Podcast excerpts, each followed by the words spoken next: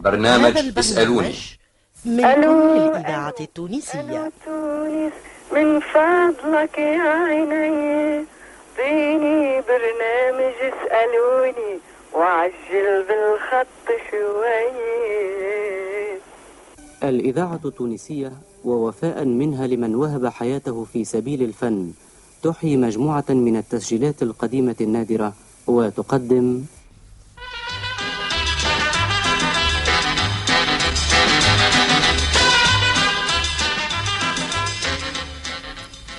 اسألوني.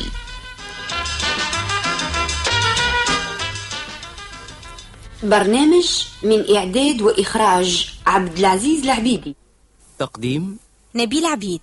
وسمير عاشور. تنسيق نور المناعي. أحباء الإذاعة الوطنية التونسية أسعد الله أوقاتكم جميعا وأهلا وسهلا بكم في هذه الحلقة الجديدة من برنامجكم اسألوني. بعد جولة الغناء والفكاهة والتمثيل التي أمتعنا بها الفنان التونسي الكبير محمد المرالي تؤثث حصة اليوم هذا اللقاء الصحفي بين علم من أعلام الصحافة التونسية المكتوبة. الأستاذ توفيق بوغدير عميد الصحفيين التونسيين سابقا ومستمع البرنامج. هذا الرائد الصحفي صاحب تجربة طويلة وثرية، فكثيرا ما تواترت مقالته السياسية في جريدة النهضة وفي العديد من الصحف التونسية الأخرى التي عرفت في فترة الاستعمار. ثم اصطبغت بصبغة ثقافية بعد الاستقلال لتشمل النقد السينمائي والمسرحي والفني والثقافي بشكل عام. كما كان لتوفيق بوغدير العديد من التجارب الكاريكاتورية الناجحة في الصحف التونسية. نستسمحكم إذا أصدقائنا المستمعين لمتابعة هذا اللقاء الشيق بين مستمعي البرنامج وواحد من أبرز رجالات الصحافة والإعلام في تونس الأستاذ توفيق بوغدير.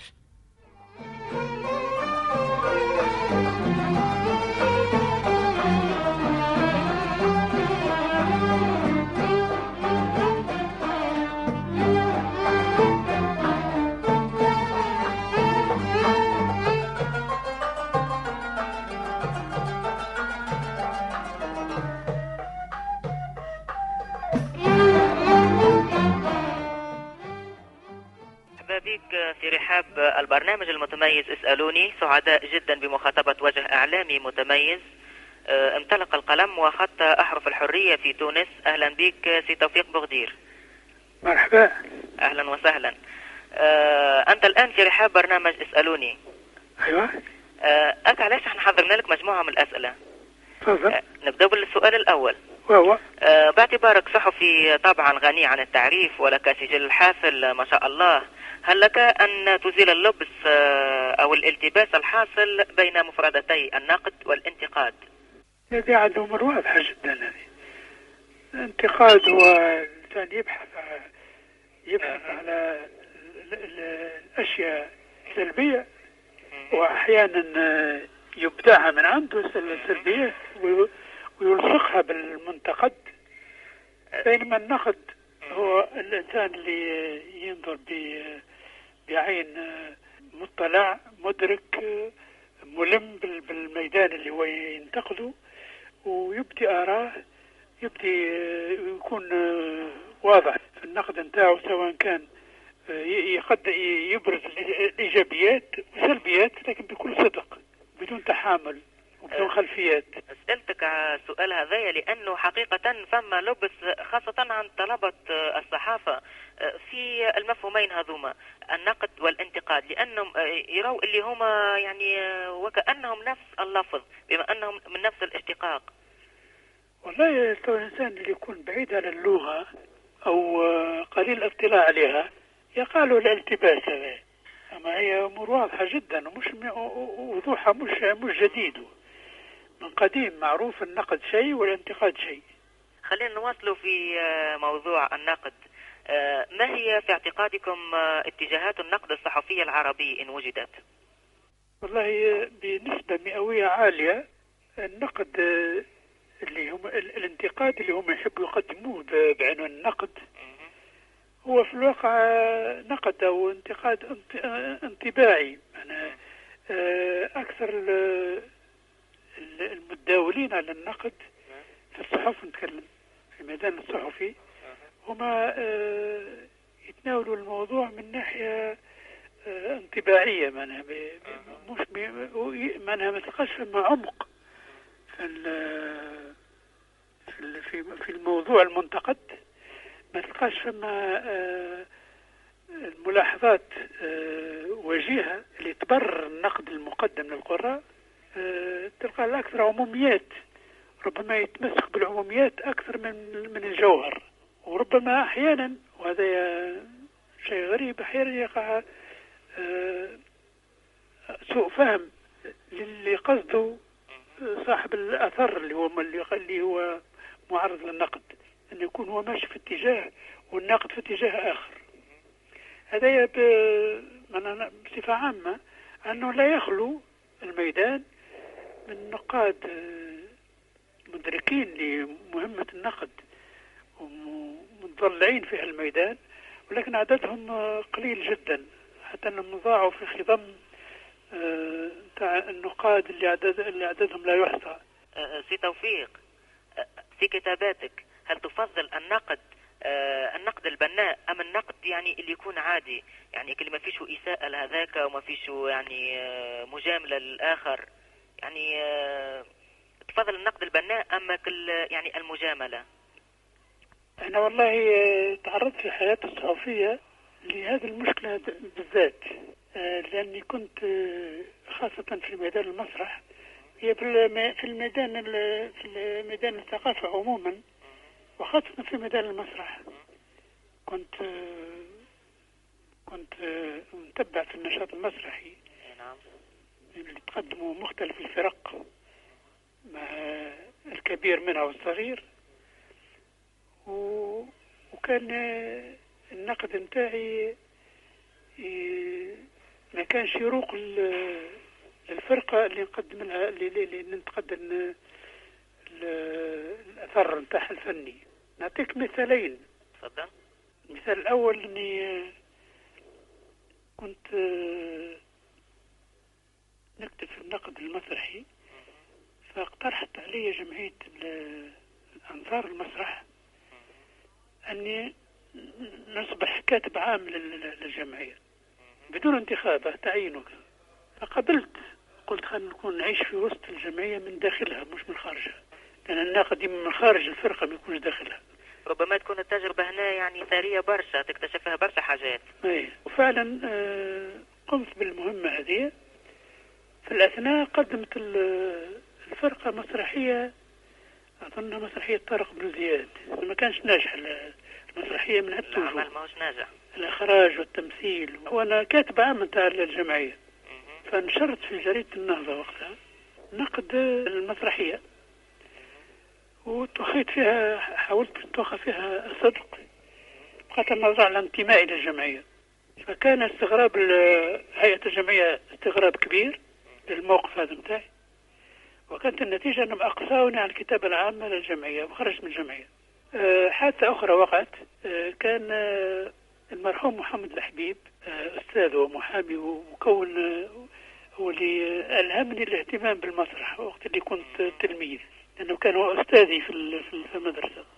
وحلوة برشا التجربة هذيك إيه. إنه يكون لك الإذاعة التونسية الذاكرة الحية. كنت في المدرسة كان كنا كان يعمل مواقف تمثيلية ويختار بعض الممثلين كنت نعم. أنا أنا أحدهم. ويقدموا المشهد هذاك التمثيلي. عاد ثم بعد كبرنا ولا هو عنده فرقة جمعية كوكب التمثيلي. عاد قدم مسرحية الواثق بالله الحفصي هي من تأليفه هو. خرجت أنا كانت الخاتمة نتاعها ماهيش منطقية المسرحية. ماهيش تاريخية وماهيش منطقية. فخرجت نقد للفرقة المسرحية نقد الفرقة نقد المسرحية نقد المسرحية. آه وفي الوقت نفسه آه فخرج نقد آخر. مشابه للنقد نتاعي في جريدة الزهرة. عن طريق صحفي آخر. أيوة. أه. آه هذه طريفة جدا في في تاريخ المسرح وما يعرفوهاش برشا ناس. يعني هي شنيا محمد الحبيب ما ردش في الصحافة في النهضة ولا في الزهرة رد على النقد. عمل حاجة أخرى.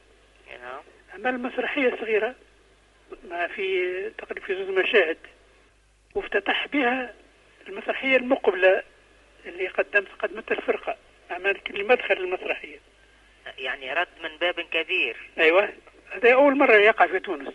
أنا مدير فرقة يرد على الصحافة بمشهد تمثيلي بعمل جديد. أيوة.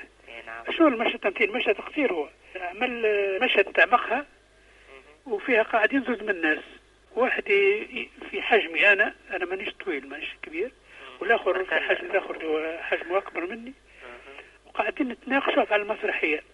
من من الشخص اللي مثلني أنا والشخص اللي مثل الناقد الآخر.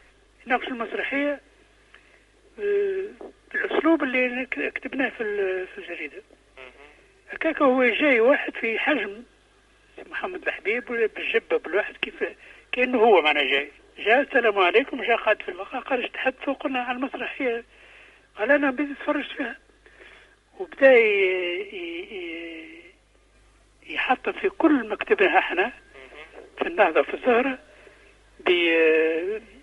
بالأقوال نتاعو. الشخر في الآخر هو اللي عنده الحق وإحنا غالطين في النقد نتاعنا.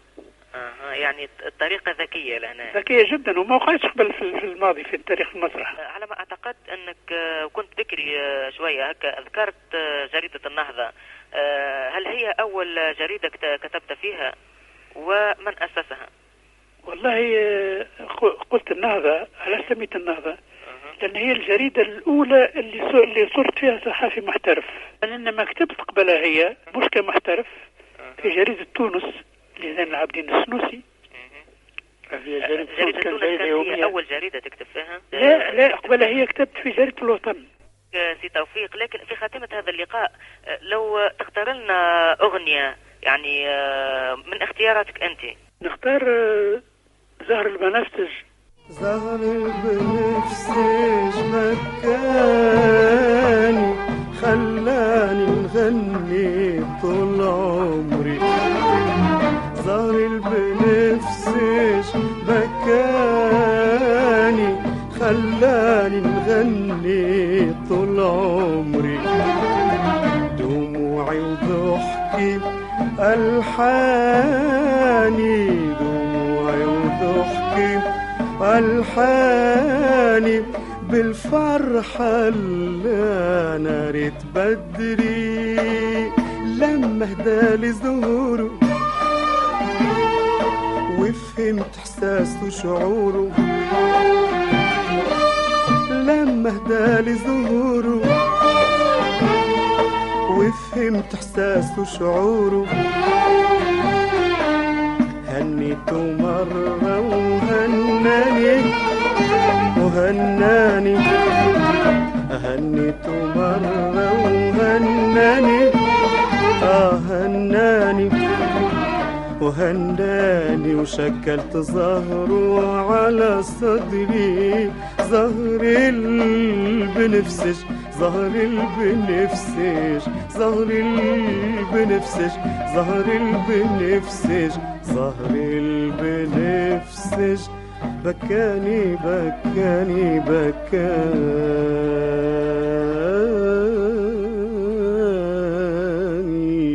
أغنية زهر البنفسج لعلي الرياحي أقدمها هدية لمستمعي برنامج أسألوني.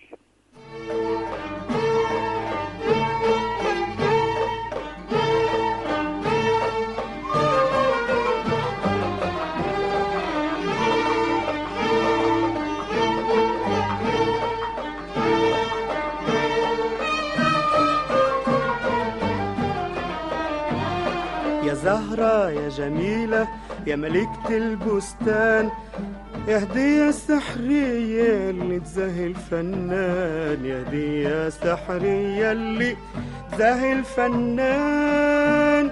يحظيها ويسقيها ويمل تذبال يمل تذبال يمل تذبال يخبيها وريحتها ينساها محال يخبيها وريحتها ينساها محال يخبيها وريحتها ينساها محال. يا بنفسج يا غالي آه. فيك حبي وأمالي آه. يا بنفسج يا غالي آه. حبي وأمالي. يا معطر أمالي اللي بيها فرحان يلي ريحتك تحلالي وتزيد في الحنان. يا معطر أمالي اللي بيها فرحان يلي ريحتك تحلالي وتزيد في الحنان. آه آه آه.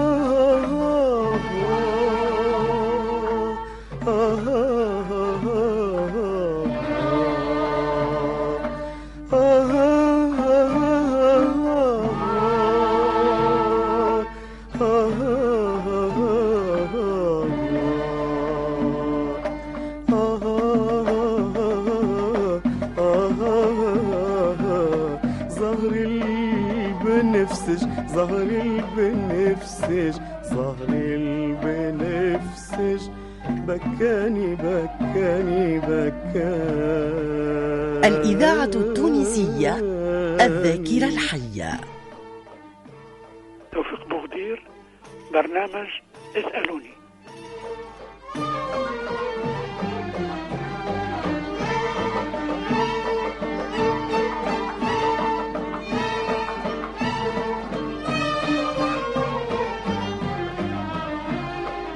حبيبتي يا زهرة كهديت لي زهراتك. كان حبك في نظرة وما معاش كلام. كان حبك في نظرة ما معاش كلام. في ثواني كلمتك وحكينا بعينينا وحكينا بعينينا وحكينا بعينينا. بأغاني وأماني تسعدنا الاثنين بأغاني وأماني تسعدنا الاثنين بأغاني وأماني تسعدنا الاثنين. يا عيوني الغزلان آه. يزهر البستان آه. يا عيون الغزلان آه. يزهر البستان آه. طول عمري والهان في جمال الحسان وزهورك تنعشني تنسيني الألام طول عمري والهان في جمال الحسان وزهورك تنعشني تنسيني الألام آه آه آه ألو؟ ألو؟ ألو عسلامة؟ مرحبا. مرحبا بك على امواج الإذاعة الوطنية؟ مرحبا. ومعك زينة دريدي مرنيك. آه، كان تسمح بعض الأسئلة. تفضل. وانتظر منك إجابات مقنعة وجريئة. آه، سؤالي الأول آه، ما هي أحسن جريدة تعتز بنشر مقالاتك فيها؟ والله آه، ال- ال- الجريدة آه، مش مسألة انتماء راهو مسألة المقال متاعك قداش يقراه من قارئ. لأنك مهمة الكاتب الصحفي. يهمه بالدرجة الأولى أن المقال متاعه يقراه أكثر عدد ممكن من القراء. بحيث مش مسألة عاطفة كونه يختار الجريدة الفلانية عن الجريدة الفلانية. إذا كان يمشي بالعاطفة هذه ال- ال- معناه يخلي آه، الموضوع اللي قلت لك عليه في الدرجة الثانية وهو اهتمامه بأن يقرأ المقال نتاعو أو النقد نتاعو أو ما يكتبه أكثر عدد لأنه لأن مهمة ال- ال- الرجل الإعلام هو إبلاغ صوته إبلاغ أفكاره آه، تعليقاته نقده لأوسع آه، في أوسع نطاق ممكن لل- للقراء ولهذا ما عنديش اختيار معين لجريدة معينة. آه، باهي. نمر سؤال ثاني. آه، ما هي أهم المجلات اللي نشرت بها بعض المقالات الصحفية؟ والله شو نقول لك؟ تقول لي المجلات. أنت حصرتها في المجلات. قول الصحف بصفة عامة. أنا الصحف آه، بصفة عامة كتبت في أكثر من آه، أكثر من 40 تقريبا صحيفة ومجلة. هوني في في, في تونس. أسبوعية ويومية. وتوليت رئاسة تحرير آه، عدة صحف. آه، كيف تقيم مقالا صحفيا؟ يعني بما معناه ما هي المقاييس المثلى حسب رأيك للمقال الناجح بكامل تشعباته المقال الناجح مهم. هو كل كاتب بتاع مقال مهم. يجتهد باش يكون مقاله ناجح. وما نجم يكون مقاله ناجح إلا بقدر ما يكون هو صادق في الفكرة في التعبير وفي احترامه للقارئ اللي هو له المقال بتاعه وك- وسعيه إنه ي- يبلغ له رسالة معينة أو يبلغ له معلومة معينة اللي يفيد بها القارئ. في الحالة هذه يكون آه، قام بأمرين أو بواجبين. الأول قام بإرضاء ترضية شخصية لنفسه أنه قام بعمل اللي هو راضي عليه. والحاجة الثانية أنه قام بعمل اللي أفاد به أو بلغ به رسالة في الحالة هذه يكون المقال بتاعه من من ناحيتين ناجح بالنسبة لذاته وبالنسبة لل- لل- للقارئ. للقارئ. آه، سؤال الرابع والأخير. بعد نشر المقال بكل صراحة هل يصادف أحيانا أنك تكتشف أنك يعني غير راضي الرضا التام يعني كان ممكن أن يكون المقال ملم وشامل وأكثر جرأة مما هو عليه هل صادفك هذا الإحساس؟ وهذا يصادف كل صحافي لأن كل صحافي ساعة ثم ظروف وملابسات معينة.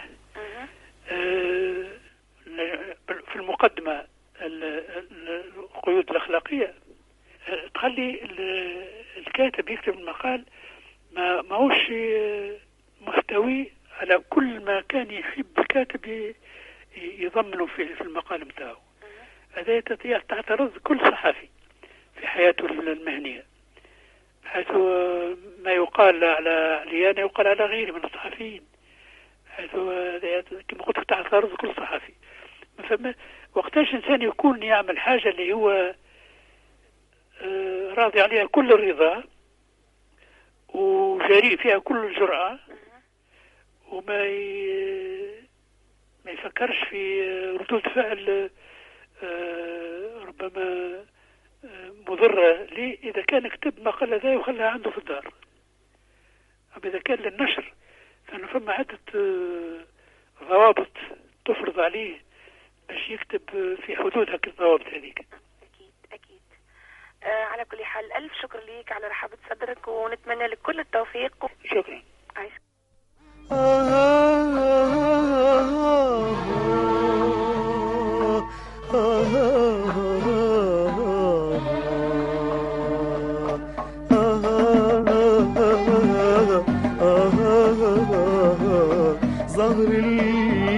البنفسج ظهر البنفسج ظهر البنفسج بكاني بكاني بكاني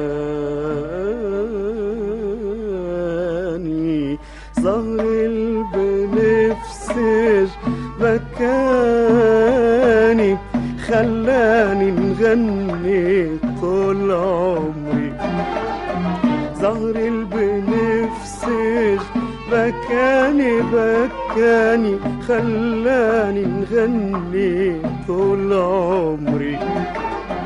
دموعي وضحكي ألحاني دموعي وضحكي ألحاني بالفرحة اللي أنا ريت بدري. لما هدالي ظهوره وفهمت احساسه وشعوره. لما هدالي ظهوره. وفهمت احساسه وشعوره. هنيته مرة وهناني. آه هناني آه هنيته مرة وهناني. وشكلت زهره على صدري. زهر البنفسج زهر البنفسج زهر البنفسج زهر البنفسج. الإذاعة التونسية ذاكرة الوطن بكاني بكاني بكاني.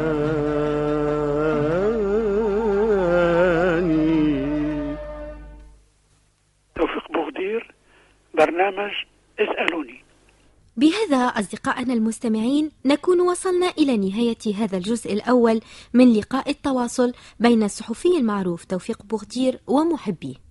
نأمل أن نكون قد وفقنا في اختياراتنا الغنائية أوقاتا ممتعة مع بقية برامج الإذاعة الوطنية التونسية وتصبحون على خير.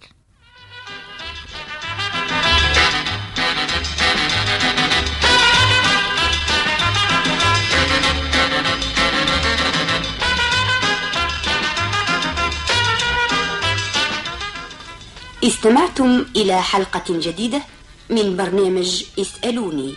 إعداد وإخراج عبد العزيز العبيدي. شارك في تقديم البرنامج. نبيل عبيد. وسمير عاشور. تنسيق نور المناعي.